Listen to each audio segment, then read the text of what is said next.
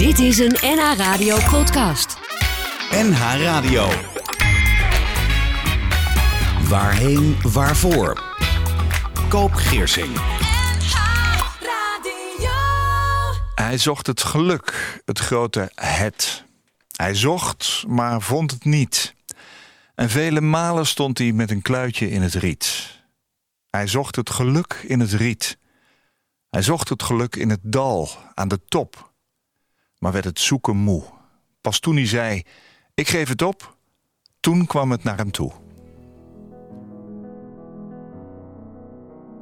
Welkom bij Waarheen Waarvoor op NH Radio. Fijn dat je luistert naar dit gesprek over leven en dood, over verdriet, rouw, vallen en weer opstaan.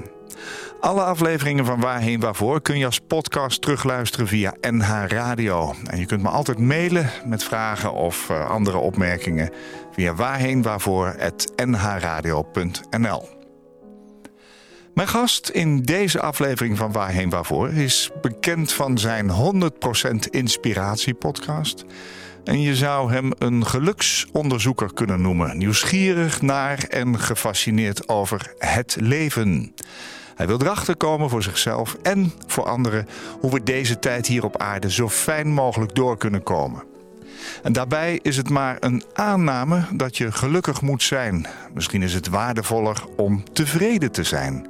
Of om lessen te leren, of om je bewustzijn te ontwikkelen, of om zoveel mogelijk andere mensen te helpen, of om je eigen trauma's te helen. Welkom Thijs Lindhout.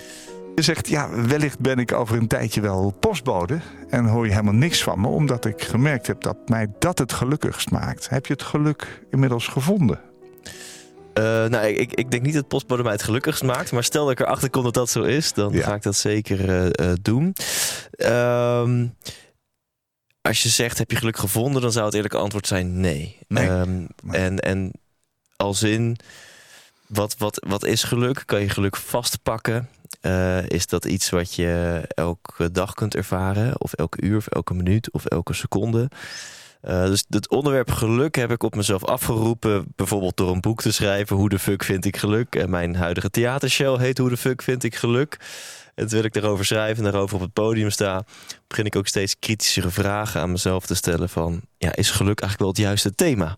Eh, want wat ik inderdaad eh, vaak zeg, van, ik vind het eigenlijk vooral interessant... we zijn hier op aarde wat er hiervoor en hierna ook wel of niet is, gaan we het mogelijk ook nog over hebben. Ehm, maar in elk geval één ding is een feit. We zijn hier op aarde voor een eh, x aantal eh, jaren hopelijk. En ehm, die tijd willen we doorbrengen. En die willen, willen we denk ik zo prettig mogelijk doorbrengen. Ja. En dan is het maar een aanname inderdaad dat je gelukkig moet zijn. Je zou kunnen zeggen, het is een beetje egoïstisch. Oh, dus het gaat vooral om, om jezelf. Is het niet veel belangrijker inderdaad om tevreden te zijn? Hè? Of om, eh, waar we het net ook kort in de voorbespreking even over hadden... als je je heel erg focust op geluk... dan heb je daar, daar misschien ook een bepaald beeld bij. Hoe moeten mijn bankrekening en mijn relatie en mijn dag... en mijn levensstijl en mijn huis en mijn carrière eruit zien... en dan wil je controle uitoefenen en dan... Ja, dat is ook vaak een soort van verkramping en het moet. eh, is het niet veel belangrijker om los te laten? Ja. En om. eh, Het zijn eigenlijk allemaal vragen die je aan jezelf stelt. ja, absoluut. Ja. Ja. Wat is het verschil tussen ehm, tevreden zijn en gelukkig zijn? Nou, ik stel in mijn show een vraag aan de mensen. En met een omweg is het een antwoord op jouw vraag, hopelijk. Eh, dat is in mijn eerste theatershow. Klinkt heel stoer, ik heb er nu twee, dus ik kan heel stoer zeggen. In mijn eerste theatershow stel ik aan de zaal de volgende vraag. Ik heb een superpil voor je, een beetje als de Matrix. Eh krijg ik twee superpillen, maar je mag er maar eentje nemen. Ze hebben allebei een superkracht. De ene pil geeft jou de superkracht om eh, alle dromen te realiseren die je maar wil. Dus het maakt niet uit hoe gek. Wil je miljardair worden? Wil je Scarlett Johansson of Bradley Cooper als jouw partner? Dan gaat het maakt niet uit. Je snapt hem. Dus, een, Ja. dus de superkracht, alles wat je wil bereiken, kan je bereiken. Die andere pil geeft jou niet die superkracht, maar geeft je een andere superkracht, namelijk dat jij tevreden zal zijn met wat het ook is dat er is. Welke pil zou je nemen? Ja, dat is een interessant dilemma. Ehm, Hoe Maar- reageert zo'n zaal daarop? Ik, ehm, ik kan me niet herinneren dat ik mensen vaak vraag om, om handjes op te steken. Dus ik, ik laat ja. vooral gewoon de, ver- de verwarring in de zaal hangen. ja, ja. Eh, bij, bij, als ik voor, voor het zakelijke segment spreek, dan is iets meer workshop setting, vraag ik dat wel. Dan merk je wel dat beetje met tegenzin kiezen mensen die tweede pil. Maar je voelt Oh, een ja? beetje zo van ja, ik weet wel dat dat dan eigenlijk gelukkiger maakt. Maar alles in mij wil eigenlijk die eerste kiezen. Want het is ook wel heel geil en sexy om alles te kunnen bereiken wat ik maar wil. Ja. Maar ik, ik denk dat iedereen het dan wel voelt van eh, tevredenheid is ehm, ook een stukje acceptatie, een stukje bijna geruststelling vind ik daarin. Oké zijn. Eh, en dat is denk ik een veel hogere trilling, om maar even nu al spiritueel Ja. te worden. Ja. Een veel hogere energie dan gelukkig zijn. Dat is Ja. kort en vluchtig. En, Ben eh, jij eigenlijk ook die tweede pil uit het doosje halen? en- Zeker, in die fase zit ik ook. Oh. Absoluut, ja. Oké. Ja. Nou, dat, dat is mooi dat je dat zegt. Hè? Ehm, misschien is het waardevoller om tevreden te zijn, hè? of eh, om lessen te leren, of om je bewustzijn te ontwikkelen, of om zoveel mogelijk andere mensen te helpen. Hè? Je eigen trauma's te helen, zeg je ook. Ja. Welke trauma's heb jij? Eh, nou, ik ben mijn laatste tijd. eh, ik, ik ben me niet bewust van een. ehm, ben even de naam kwijt. Maar je, hebt twee soorten trauma's. Je hebt trauma's van je hebt één keer iets meegemaakt. Dat is zo heftig en intens en, en traumatisch dat je dat dus bijdraagt. En je hebt een complex trauma. Heb ik geleerd van Jan Bommeré, waanzinnig inspirerende Nederlander die overigens eh, eh, in Amerika woont. Twee keer geïnterviewd. Ehm, en een complex trauma is wanneer eh, gewoon over een langere periode heb je eigenlijk iets meegemaakt of iets gemist. Dus het is, het is niet één concrete gebeurtenis, maar het zijn kleine subtiele gebeurtenissen op rij. En eh, het klinkt heel heftig voor de mensen die denken, het trauma, want je stelt zo die vraag. Maar ik heb zeker een trauma, maar dat zou je meer een hechtingstrauma kunnen noemen. En, en, Wat is dat? en dat zo'n 50% van de mensen is niet helemaal veilig gehecht. Eh ben ik me in gaan verdiepen, uiterst interessant. En ehm, ja, ik durf wel te zeggen, ik herken me wel in een bepaalde hechtingstijl, w- waarbij je niet, ehm, niet heel consequent altijd de liefde, aandacht en warmte hebt ontvangen die je graag had willen ontvangen. Als kind of zo. Als, als kind, als baby, eh, Ja. whatever. Ehm, als baby kan ik me niet herinneren, niet bewust althans. Nee. Misschien onder hypnose Nee. een keertje. Ja. Eh, maar ik, ik zeg dit met, met echt alle liefde en respect voor allebei mijn ouders. Mijn moeder is helaas niet meer, mijn vader wel. En, eh, eh, dus voor mensen die dit horen en nu denken van... oh, moet ik ook zo gaan denken? En is het dan een sneer naar mijn ouders? Nee, want zowel jij als je kinderen hebt als je ouders doen heel erg hun best. En eh, het is soms onvermijdelijk dat, dat je als babytje of kindje iets op een bepaalde manier opslaat of iets op een bepaalde manier verwerkt. Ehm, maar dat zou je een trauma kunnen noemen. En als je die inconsistentie hebt ervaren, dan is de kans wat groter dat je op latere leeftijd wat meer je best zal doen om aandacht en bevestiging en goedkeuring en geruststelling te krijgen. Omdat je dat een beetje hebt gemist eh, vroeger. Eh, en ik vind het ook interessant om met die bril te kijken naar mezelf. Ja. Van hé, hey, ik sta toch Ja. met mijn kop op het podium en zo. En ik ken heel veel mensen die dat ook doen. Ja. En, en dan zie je vaak wel linkjes dat over het algemeen. eh, zie je heel veel passie en missie bij mensen die een publiek beroep hebben. Maar je ziet ook heel veel zie mij. en Dat is mij ook opgevallen. ja, dat. Ja, ja, ja. Hey, eh, ik vind het heel eerlijk en heel open dat je het vertelt. Na- natuurlijk eh, hoeft niemand daar de schuld van te hebben, dat begrijp ik ook. Maar als je dat eenmaal bij jezelf gevonden hebt, dan realiseer je misschien ook dat je daar de rest van je leven op moet sturen. Of is dat niet zo? Nou, ik denk dat bewustwording al een heel, heel grote eerste stap is. Dat je, als je merkt, acceptatie misschien? ja, dat je merkt, verrek, hé, ik, eh, Daar zit het. ik, ik merk inderdaad dat ik dit en dit doe. En ik denk dat ik het om die reden doe. Maar eigenlijk geeft het me ook wel een beetje een stukje aandacht die ik, die ik mis of zo. Of, of, of een stukje erkenning die ik niet helemaal in mezelf kan vinden. Maar als, Nee. als ik dat van buitenaf krijg, Ja, dan, dan, dan voelt het eventjes goed. Maar met nadruk op eventjes. ja, ja. Want het kan een soort van verslaving worden. En het komt daar vandaan. Ik denk dat dat heel. Nee, ik vind het heel interessant voor mezelf om die linkjes te leggen en die antwoorden te vinden. Ik zeg met, na- met name, eh, of expres zeg ik ik, omdat. Ja, ik kan me ook heel goed voorstellen als je die antwoorden helemaal niet voor jezelf wil vinden. En dat je denkt, ja, eh, ik heb helemaal geen zin in om op onderzoek te dat gaan. kan. Dat zou kunnen. En, en Ja. soms verlang ik daar zelf ook wel naar. Dat Ik denk, ja, ik ga ook wel heel ver in die antwoorden vinden. Ja. En het is ook belangrijk om het leven ehm, niet te serieus te nemen, altijd. En soms gewoon lekker te zijn en te doen en niet te veel na te denken. Ja, je bent ook drummer, hè? Je Ja. hebt een drumstijl. Eh, kun je het daar een beetje kwijt ook? Ja, absoluut. Ik vind drummen, uiteraard vind ik de leukste hobby ter wereld. Het leukste instrument wat er maar is. Ja. Het is, eh, lekker lomp ook eigenlijk. Als je het vergelijkt met gitaar spelen. Je, gewoon even heel praktisch. Je vinger is eh, denk ik tien keer zo dik als die snaar. Dus je moet met hele dikke vingers op hele dunne snaren drukken. Speel je gitaar ook? Of, nee, ik, ik, kan, ik kan misschien een paar akkoorden, Oh ja. eh, maar nee, ik speel geen gitaar. En drummen, ja, je, hebt een, je, je stokje is ongeveer honderd keer zo klein als het vel waar je op slaat, als de trommels en de Oh ja, bekkens. Dus het, ja. is, het is lekker lomp. Het is Oh, je het net om, hè? Die dikke vinger naar die dunne snaar en, Ja. en dat, smalle stokje naar die, die grote trom. Ik denk niet dat de drummer ooit zo een drum heeft omschreven, maar zo denk ik wel eens over na. Het is lekker. Dus ja, eh, in positieve zin lomp. En natuurlijk komt er ook heel veel techniek bij kijken. Hoe je de stokje vasthoudt en snelheid kan maken en zo. Eh, Maar je gaat gewoon lekker zitten, koptelefoontje op, ik drum vaak elektronisch. Oh ja. Ehm, Zo wat fijner voor de buren en eh, lekker rammen. Heerlijk, Ja. heerlijk, heerlijk, heerlijk. Ik heb je ook gevraagd drie liedjes mee te nemen naar deze eh, uitzending. Daar gaan we straks naar luisteren.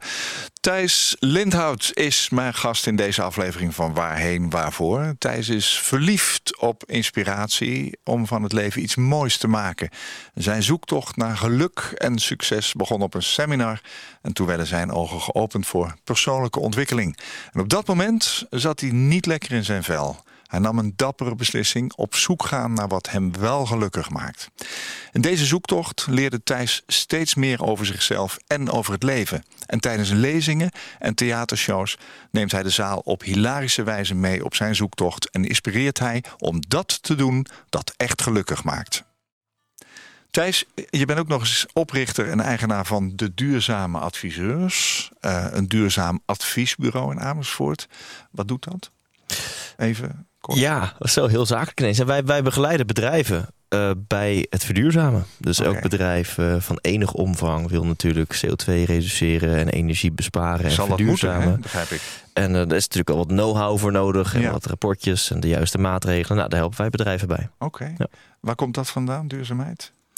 Heb ik eigenlijk altijd al eh, een, een interessant en belangrijk thema gevonden. En ik weet al als klein jongetje of zo, als ik mensen, weet ik veel, een papiertje op straat zou gooien, dacht ik, hè, Oh waarom doe je dat nou? Om iets heel kleins te noemen, maar dat is een beetje de, de, de belevingswereld van een jongetje van acht of zo. Ja. Komt dat van je ouders ook? Ben je zo opgevoed? Nou, een beetje.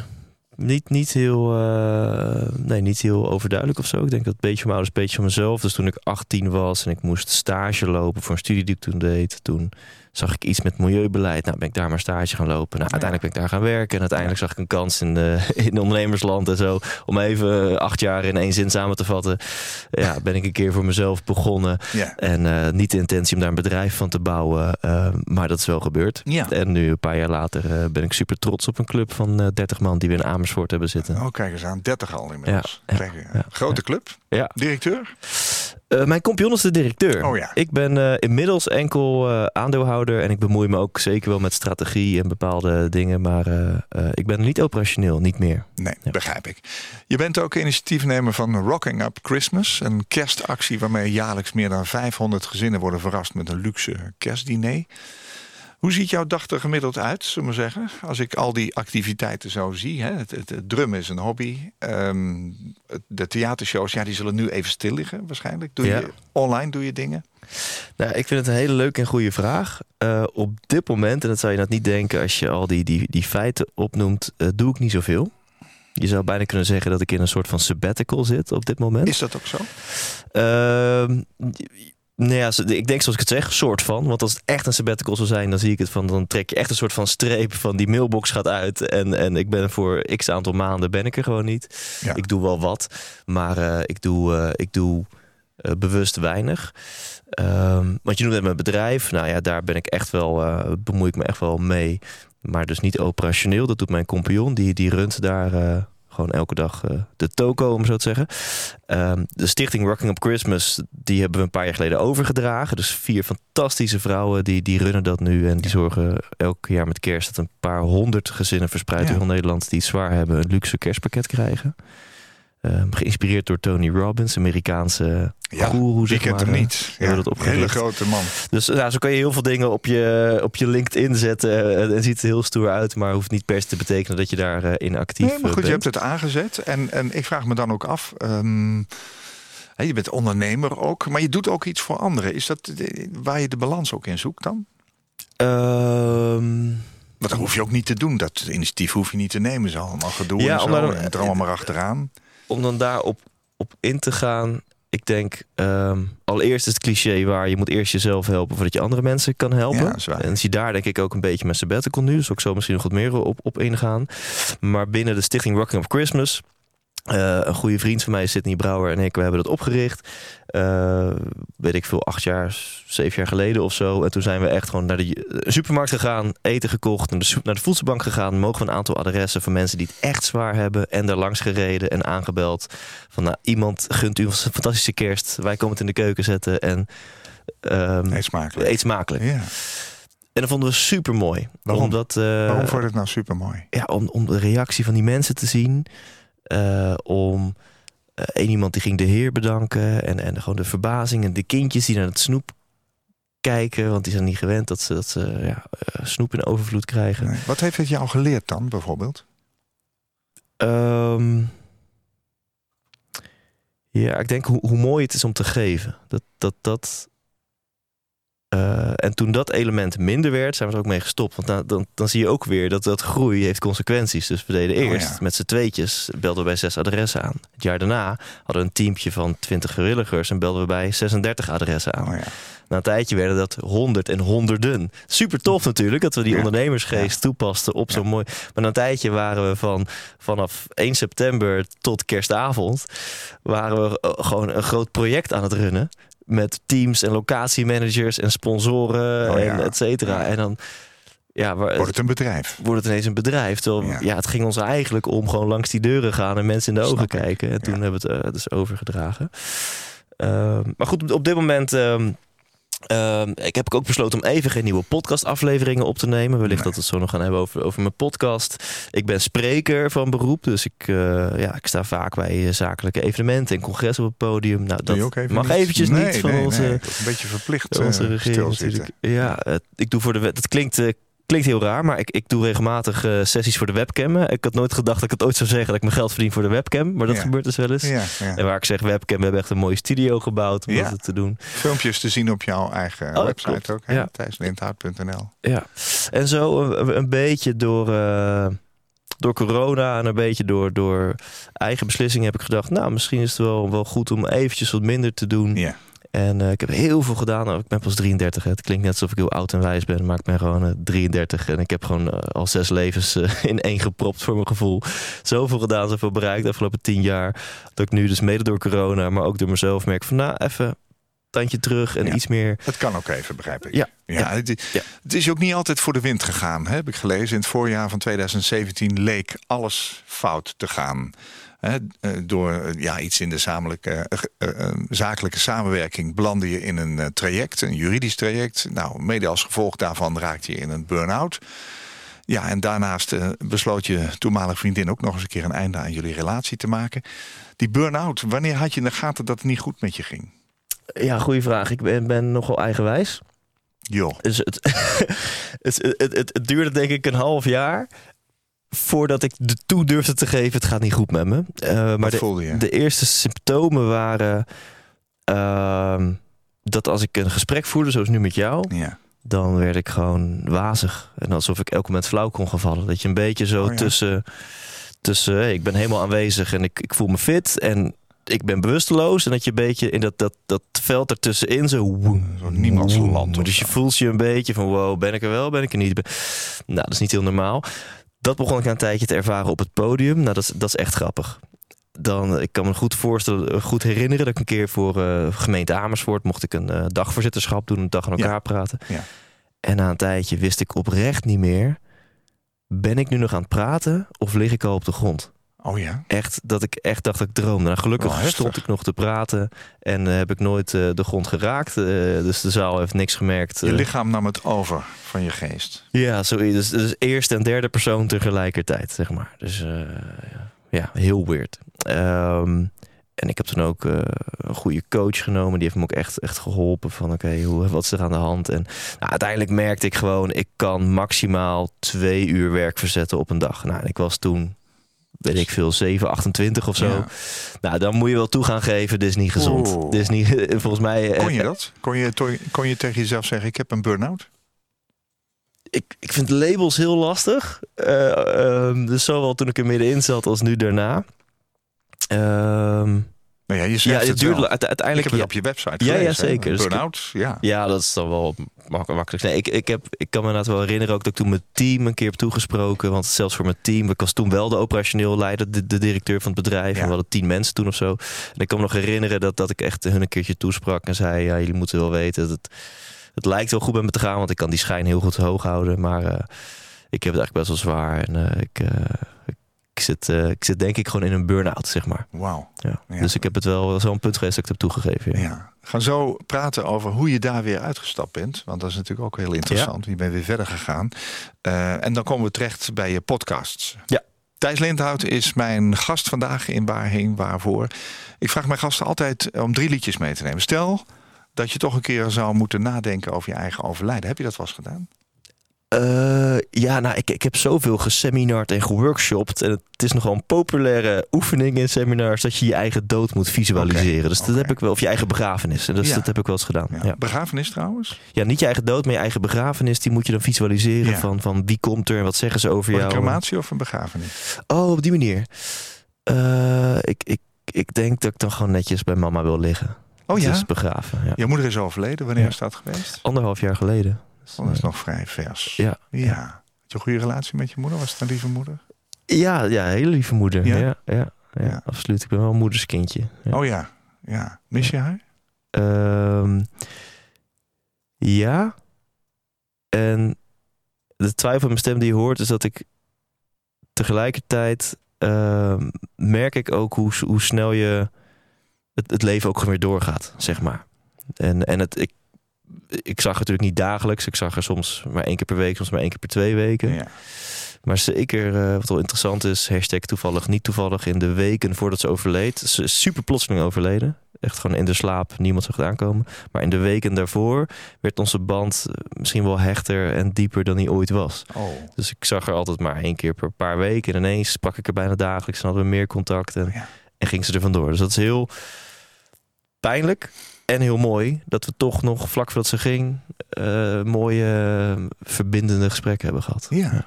Oh, dat is wel iets om dankbaar voor te zijn. Ja. Ja. Ja. ja. Ze is begraven. Ga je wel eens Ja. naar het graf? ja, da- da- daar mag ik wat trouwer in zijn. Dus ik denk dat ik, ik ben op de verjaardag ben ik er geweest. Oh ja. En, ehm, Dat is toch goed? Ja, en, en op de overlijdingsdag. Ja, samen met mijn Hoeft broer. er we wekelijks te staan. Dat, Ja. eh, Sommige mensen doen het dagelijks, maar hoeft niet. ja. Hoeft niet. Nee, het is, natuurlijk, ik, ik ben veel te streng voor mezelf. Het gaat uiteindelijk om eh, rouw hoe je wil rouwen. Ja.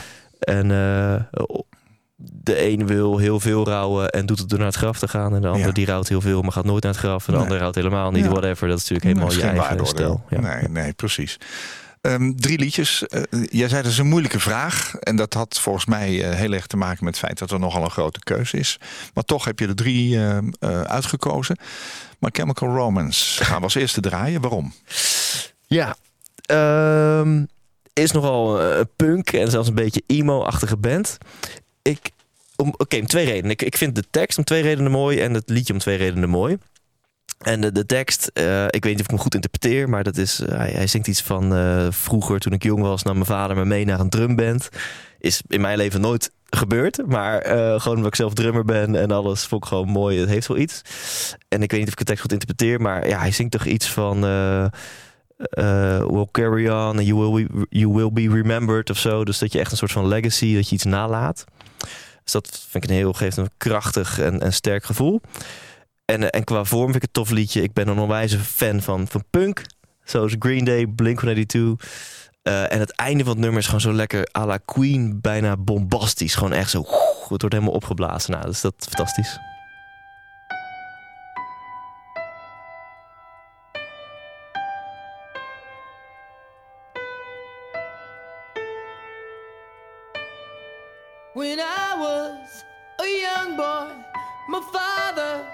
Took me into the city to see a marching band. He said, Son, when you grow up,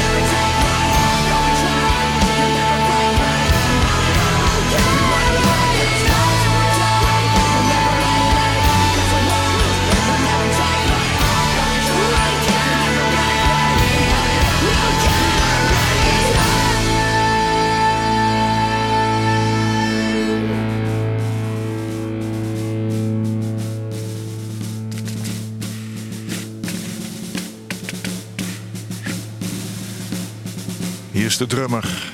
Ja. De eerlijkheid gebiedt mij te zeggen dat ehm, dit genre niet heel vaak voorbij komt op dit station. Maar ook niet heel vaak op de vroege ochtend. En dan zeker niet op de zondagochtend. Eh, wij zijn wakker, in ieder geval. Graag gedaan. naar Waarheen Waarvoor op eh, NH Radio. Thijs Lindhout is mijn gast. Welcome to the Black Parade. De Amerikaanse rockband My Chemical Romance van het album The Black Parade uit 2006. Dat als thema heeft de patiënt die op jonge leeftijd sterft aan kanker. En My Chemical Romance geeft een concert op 2 juni aanstaande in Rotterdam. Ahoy. Heb je al tickets? Dat, nou, ik zit net stoer te vertellen dat ik tickets heb voor Weezer, Fall Out Boy Ja. en Green Day. Ja. Ook in juni ergens in Groningen. In het Stadspark geloof ik. Deze ga ik er, eh, als er nog tickets zijn, eh, ben ik erbij. Ja. Ja. Hey, ik zie je meedrummen tijdens het liedje. En eh, ik zie steeds die pretoogjes van je. Dus de voorkant van het lijf van Thijs is goed. Hè? Maar in 2017 zat je toch maar mooi in een burn-out. Hè? Heb je net over verteld. Oh. Je bent eruit gekomen. Ja. Is dat door eh, af te wachten, rust te nemen? Wat heb je gedaan? Ehm sowieso die dingen. Eerlijkheid gebied te zeggen dat ik ook een aantal dingen niet geleerd heb en gewoon weer eh, op bepaalde gebieden in hetzelfde patroon beland ben. Ben je in Eh. een val getrapt? Ja, wat, wat er vaak natuurlijk onder ligt. Dus een burn-out komt, denk ik, ik ben geen expert, maar of door kwantiteit. Hè, dus dat je gewoon te veel werkt. Gewoon, weet ik veel, 80, 100 uur. Of door kwaliteit, als in je werkt misschien maar 30 uur per week, maar Ja. het, het is gewoon niet, het, het, het slurpt energie. Eh, en het is vaak een combinatie van zakelijk en privé, zo ook, zoals ook eh, bij mij. Je leven dus. Ja, Ja. ja. Ja, want ik ken echt mensen die, die werken eh, around the clock, zeg maar. En, en ik weet zeker, die zitten echt niet in het risicogebied voor burn-out. En je hebt ook mensen die, eh, die hebben een ogenschijnlijk wat rustiger leven en die zitten er tegenaan, zeg maar. Ja. Hoe ben ik eruit gekomen? Energiemanagement heeft wel echt een, een intrede in mijn leven gemaakt. Dat ik, dat ik eerlijk begon te worden naar, ja, het is leuk om eh, donderdag overdag dat te hebben en s'avonds nog een show en vrijdag eh, te sporten en daarna met vrienden dit en toch nog. Het is leuk, maar even eerlijk naar mezelf, kan ik het aan? en heb ik dan wel genoeg me-time? Of, Ja. of lig ik dan zaterdag weer eh, eh, zo'n beetje aan het infuus op bed om weer op te laden om net weer de maandag te halen, zeg maar. Ja. Dus samen met een hele goede coach ben ik daar, dat is een hele praktische kant van de burn-out, hè, ben ik dus eh, werk gaan maken van energiemanagement. Nou, en de wat diepere, spirituelere kant is van, hé, hey, waarom werkt je dan zo hard? En misschien wel te hard. En misschien dat je ook wel dingen die je eigenlijk helemaal niet per se heel erg leuk vond. Oh ja, dat zat toch een bepaalde behoefte aan aandacht of erkenning of bevestiging. Ja. Oké. Wat, wat is te hard werken? Is Ehm, dat bijvoorbeeld ehm, veel uren maken of is het vooral werk doen wat je misschien niet zo leuk vindt? Ik denk met name dat tweede. Dat is veel belangrijker. Eh, en ik denk dat ik te veel, veel te veel mijn prioriteit had gelegd bij. En die feedback kreeg ik ook van mijn toenmalige vriendin. Van werk stond op zo'n beetje plek 1, 2 en 3. Dus als die inbox maar leeg is en die to-do-lijst en die nieuwe projecten en die offerte en het team moet geïnstrueerd worden en dit en dat en mijn podcast kwam er later bij. En ehm, al- alsof iets in jou zegt, als dat maar allemaal goed loopt, Ja. dan ben ik goed genoeg en kan Oh, ik ja. ontspannen. Ah. En dat, En dat moment kwam gewoon nooit. Nee. Dus Het was al, nooit goed genoeg blijkbaar. Precies, dus al praten komen we op een antwoord. Dus dat eigenlijk, waarom doe je wat je doet? Omdat ik op zoek was naar die, die zucht van opluchting van, ah, ik ben goed genoeg. En die kwam misschien heel soms op sommige momenten dat je eventjes voldoet aan al die voorwaarden die je zelf hebt gesteld. Ja. Maar ik had veel te veel voorwaarden aan mezelf gesteld voordat ik mag ontspannen. En, en daar was ik obsessief op gefocust. En pas dan kon ik Oh, dat vind ik wel een hele herkenbare, Thijs. Dat je zegt, d- er moet eerst dit en dat en dat... voordat ik ja, misschien wel tijd aan mezelf kan besteden. Precies, Of voordat ik even iets kan doen wat ik echt leuk Ja. vind. Dus misschien ben ik nu wel echt de les aan het leren. Want daarna ben ik echt wel met meer bewustzijn, zowel op het diepe niveau als op het praktische niveau, eh, mijn leven gaan leiden. Maar eh, aan het begin van corona zat ik weer in een fase dat ik mezelf helemaal rond de klok werkte. En nu, het feit dat ik nu zeg, nou eventjes, er is al minder werk Oh ja. door de situatie en laat ik nog harder op de rem trappen. Ja. is al een teken dat ik dus niet meer namens al die voorwaarden leef. En juist Ja. meer eerlijk naar mezelf aan het zijn ben. En van hé, hey, laten we wat meer voelen. Ja. En, en, en laten we die, die ontspanning hoe, hoe kunnen we die vinden zonder Ja. dat daar eerst 36 eh, vinkjes voor moeten Ja. worden afgevinkt? Ja. Tijdens die inspiratieshows, hè, dan- dan- dan- je bent een bruisend eh, zeg maar, eh, leider op het podium. Hè, de drumstel staat er, je, je beweegt zo'n zaal.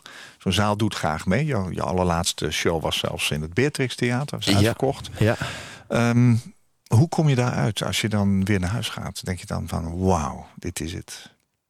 Dat, dat is ook veranderd. Vroeger was dat inderdaad, eh, eh, zweefde ik na. Eh, mijn ego die ging door het dak, om het maar Ah, ja. heel kritisch te formuleren. En ik merkte dus toch echt wel dat ik... Het was toen ook al mijn missie en passie. Maar het gaf me ook een hele dikke vette goedkeuring van... ah, ik ben goed genoeg. Maar daardoor was ik van tevoren extreem zenuwachtig. Kreeg geen hap door mijn keel. Met mijn toenmalige productieassistent stond ik zenuwachtig in de coulissen. Zelfs nog bij show nummer 30. Van ja, Ja. Je weet inmiddels, iedereen die er zit heeft een kaartje voor jou gekocht. Ken je al van je podcast of van whatever. Al die 29 vorige shows gingen ook goed. Dus laat het, en ik liet het maar niet los. Ik was super gespannen. En dan Ja. tijdens de show ge- genoot ik beperkt. En achteraf voelde ik me top of the world. Want je hebt weer je portie. Omdat het goed gegaan Ja. was. En, en, en dan lag ik in mijn bedje en dan kon ik niet slapen. En op Instagram nog alle mentions kijken en Oh, alle ja. filmpjes. Eh, niet helemaal gezond, vind ik. En nu merk ik echt ah, dat ik veel relaxter ben. Ja. Dus vooraf tot, tot een minuut voor show kan ik met je praten. Tot een seconde voor show zelfs kunnen, ben ik gewoon ontspannen. Ik loop het podium op. Ik geniet veel meer tijdens de show. Ja. Omdat het me op een gezonde manier gewoon wat minder interesseert. Dat ik per se het goed doe. Ja. Eh, ik wil het vooral gewoon naar mijn zin hebben en mooie verhalen delen met de zaal. Is dat wat je geleerd hebt? Ja, en dan achteraf ben ik ze ook, eh, als ik naar huis rijd, ja, ben ik gewoon weer bezig met, eh, met eh, mijn Ja. privéleven. En eh, eh, laat ik het op een gezonde manier Het lijkt los. of je daar balans in gevonden Ja, hebt. Dus- de, och, ik ben met mijn beroep als spreker, zowel in het theater als voor, voor zakelijke evenementen. Daar, en dat, dat kan ik nu heel stoer zeggen, maar dat is een proces. En dat moet je ook, moet ook een beetje naar je toe komen en zo. Want Ja. je kan niet in je vingers knippen en dat doen. Nee. Maar daarin heb ik zoveel losgelaten van kijk mij, kijk ik ben goed genoeg. En dat maakt mij zoveel relaxter. Ja. En dat maakt me, vind ik, naar mijn eigen beleving zoveel beter ook. Dat ik veel beter verbinding maak met de zaal. Want ook daarin dus minder controle. Ja. Meer loslaten. Maar wel hechting. Ja, precies. We hechten met de zaal. Mooi. Punkmuziek hebben we net gehoord. My Chemical Romance. En nu gaan we in één keer naar Suzanne en Freek. Toen dacht ik, hé, hey, waar komt dat vandaan? Ja ik, eh, ik, Als dat nou op je uitvaart gedraaid moet worden, waarom heb je dan voor dit liedje gekozen? ik heb een hele mooie associatie bij dit liedje. Vertel. Ik heb een anderhalf jaar geleden smoor verliefd geworden. En wederzijds. Dat, dat helpt. En dit werd al heel gauw ons liedje. En ja, er zit gewoon heel veel in van je, je hart openen. Eh, misschien niet denken dat het ooit op je pad zou komen, maar het komt toch op je pad. Eh, een ander fantastisch vinden, jezelf fantastisch vinden. Ik vind een heel mooi, zacht liedje. Met, ik denk ook een hele open interpretatie voor de tekst. Het is meer een gevoel. Het voelt gewoon liefde of zo.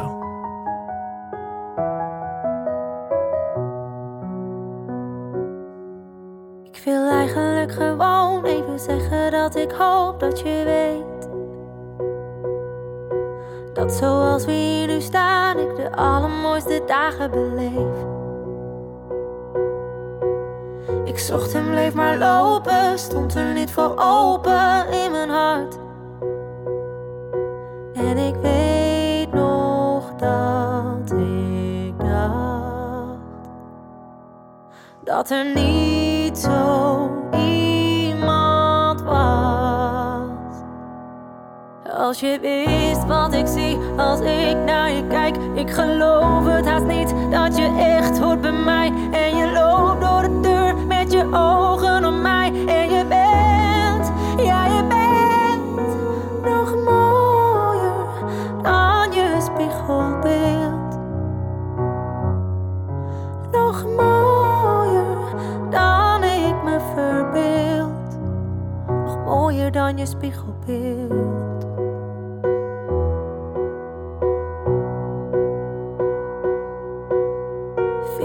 Gewacht met zeggen hoe ik dacht over jou.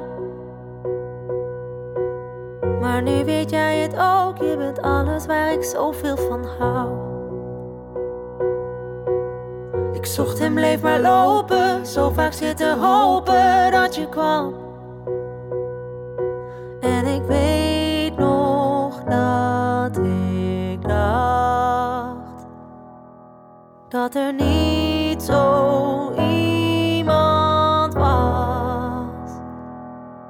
Als je wist wat ik zie als ik naar je kijk. Ik geloof het haast niet dat je echt hoort bij mij. En je loopt door de deur met je ogen op mij. En je bent, ja je bent nog mooier dan je spiegelbeeld. Nog mooier dan ik me verbeeld. Nog mooier dan je spiegelbeeld.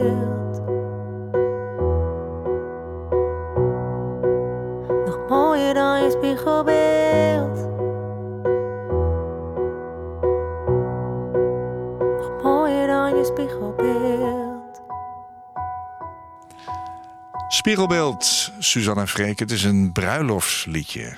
Oh, Goed gekozen, Thijs. Dankjewel, Koop. Dat wat je ervaart op het moment dat de bruid naar het altaar loopt. En dat is in een liedje gevat. Zij deden vroeger veel, eh, toen ze nog niet zo bekend waren, veel eh, bruiloftsmomentjes Ah, vandaar. en optreden. En daar zongen ze eigenlijk altijd covertjes. Hmm. En toen dachten ze van, ja, het is wel leuk om hier een keer een liedje over te maken. En zo is het gekomen. Ja, Mooi. mooi liedje. Ja, een heel ander liedje dan eh, dat andere. En Ja. er staat er nog eentje op Ja. stapel. Hè? Gaan we het zo over hebben.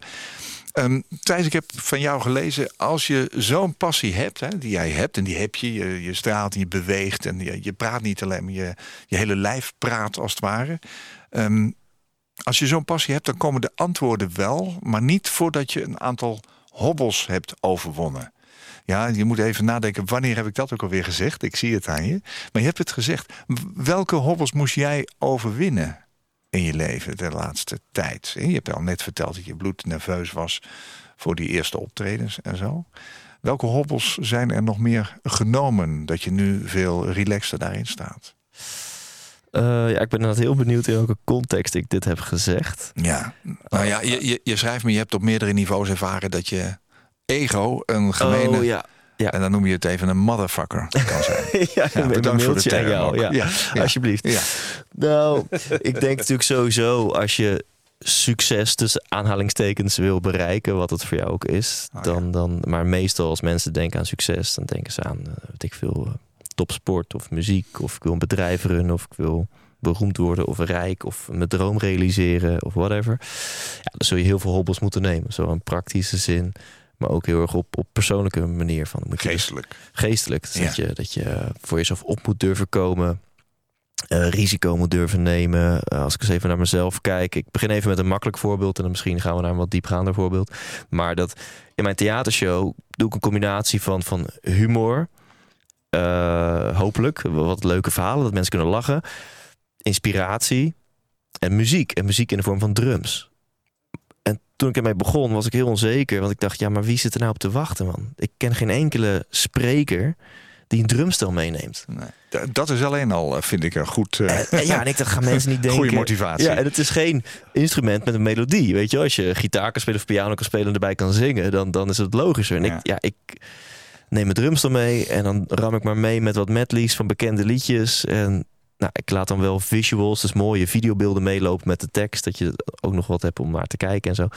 Maar ja, heel erg onzeker van, eh, ja, gaan mensen niet denken wat een rare gast Wat vind ik een Thijs? ander ervan? Wat is de ander ervan? Oh ja. Ehm, in het begin ook eh, ja, voor vrienden en familie opgetreden. Want ja, ik had geen fans. dus dan maar eh, je buren, vrienden en familie Ja. uitnodigen. Tussen de schuifdeuren. Dus, dus daar, daar zitten heel veel, heel veel hobbels eh, eh, mentaal ook om te nemen. En om in jezelf te geloven en het gewoon maar te doen. Maar eh, een grote hobbel vind ik, wat we al, al kort hebben aangestipt, is, is vaak ook jezelf die, die kritische vraag stellen. Waarom doe ik wat ik doe? Ja. En doe ik dit nu echt vanuit intrinsieke motivatie en een gezonde intrinsieke motivatie? Dus omdat ik het wil en omdat ik het wil vanuit, ja, maar hier word ik gelukkig van. Dit is in lijn met mijn roeping of mijn passie of mijn zingeving. Allemaal grote termen, maar gewoon simpel. Dit, dit voelt goed. Of is het een extrinsieke motivatie, want dit verwacht mijn omgeving van me. Of is het een ongezonde motivatie van ja, ik doe het wel vanuit mezelf, maar vooral omdat dit me een stukje aandacht, erkenning, bevestiging geeft. Ja, en dat, dat, dat kan je op heel veel gebieden eh, toepassen. En ik denk dat dat wel echt hobbels zijn om te nemen. Van hoe eh, eh, durf je daarin eerlijk te worden naar jezelf? Ja. ja, het is ook een van de dingen die jij zegt. Hè? Je vindt het belangrijk om trouw te blijven aan jezelf. Ja. Ehm, ben je trouw aan jezelf? Eh, Steeds meer, denk ik. Ja, ik, ik- ja. Het, het- het antwoord is niet zwart-wit. Ik ben soms trouw aan mezelf, soms wat minder. Ja. Eh, maar op het moment dat je bewust bent dat je niet trouw aan bent aan jezelf, ben je denk ik al trouw aan jezelf. Want je weet je er bewust van. Oh ja, ja. Ehm, Weet je, uit dat gedichtje wat ik voorlas van Toon Hermans in het begin. Hè, als je op zoek gaat naar geluk, heel actief vind je het niet. Totdat je zegt, nou, eh, laat het maar gebeuren. En dan krijg je het misschien. Ja. ja, en ik denk dat het leven, dat is een wat praktischer antwoord, misschien ook zo fijn voor de luisteraar, een, een, een, een, een combinatie is van ontspanning en inspanning. Ja. En inspanning is eh, lekker werken, dingen doen, vrienden zien, eh, liefde ervaren, beleven met je liefje, eh, sporten, actief, echt actief zijn. En ontspannen, en dan zie ik het vooral voor me als reflectiemomenten, mediteren, stil zijn, met jezelf zijn, misschien zelfs de rust, de leegte of de eenzaamheid opzoeken. En in die momenten kan je tot bezinning komen, of de momenten die je doet in inspanning, of die nog wel echt bij jou passen en of dat nog wel goed voelt. En ik denk dat die balans heel belangrijk is. Dus doe dingen, ga erop uit en re- reflecteer.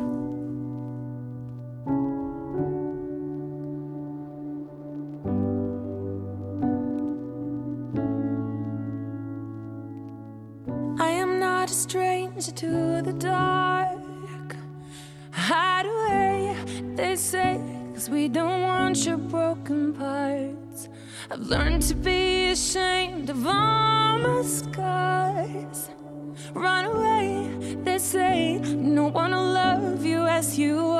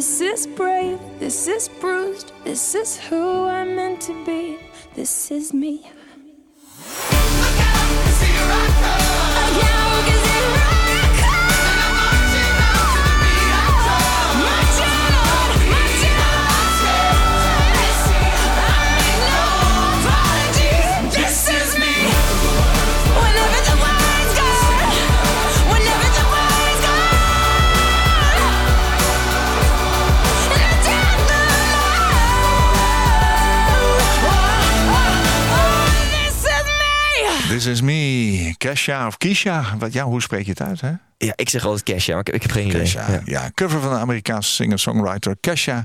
This is me uit de film The Greatest Showman. I'm not scared to be seen. I make no apologies. This is me.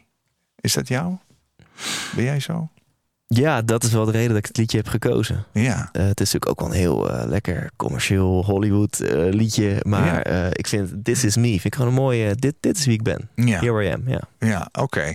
Dat staat ook wel een klein beetje voor jouw verhaal dan, in dat Ja. geval. Ja. Ja. want als je op dat podium staat, dan is dat ook Thijs. Ja, dat is wel de bedoeling. Ja, Ehm, mooie muziekkeuze. Drie verschillende stukjes. Ehm, Suzanne en Freek straks. Maar op het eh, podium speel je ook nog iets bijzonders eh, van Elton John.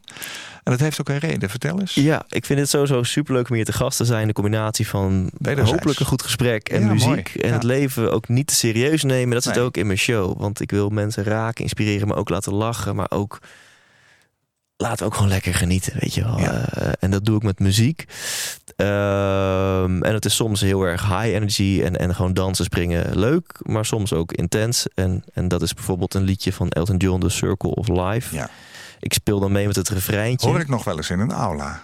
Van een Ja, begraafplaats nou, of een dat- crematorium. Nou, eh, dat geloof ik. En eh, dit liedje draaiden we ook toen mijn broer, ik, ons vriendinnetjes en twee vrienden eh, de kist van mijn moeder eh, naar binnen of naar buiten tilden. Want het was Ja. een mooi grasveld, Ja. de, de uitvaart. Ja. Dus terwijl wij mijn moeder eh, eh, eh, ja, tilden, draaiden de Circle of Life. En tijdens mijn show vertel ik er kort wat over. En vraag ik ook mensen, draag dit liedje op aan een dierbare die uit jouw leven is heen gegaan. En dan speelt alvast die intro. En dan loop ik naar mijn drumstel toe. En dan drum ik echt even één refreintje. Mm. The Circle of Life. eh, van Elton John van The Lion King eh, voor mijn moeder. Ja. Mooie laatste woorden, Thijs. Dankjewel. Dankjewel. Ja, fijn. Thijs Lindhout, bekend van de 100% Inspiratie-podcast. Die is mijn gast hier geweest vandaag in Waarheen Waarvoor. Hij is ook veel gevraagd spreker over geluk, duurzaamheid, ondernemerschap. En je zou hem geluksonderzoeker kunnen noemen. Is erg nieuwsgierig naar en gefascineerd over het leven. Ja, Thijs heeft ook boeken geschreven. En eh, een van die boeken heet Leef Intens. En dat kun je gratis downloaden via ikwilgeluk.nl. Thijs, dank voor je komst naar Amsterdam. En eh, voor het mooie gesprek. En fijn dat je je zoektocht en inspiratie met ons wilde delen.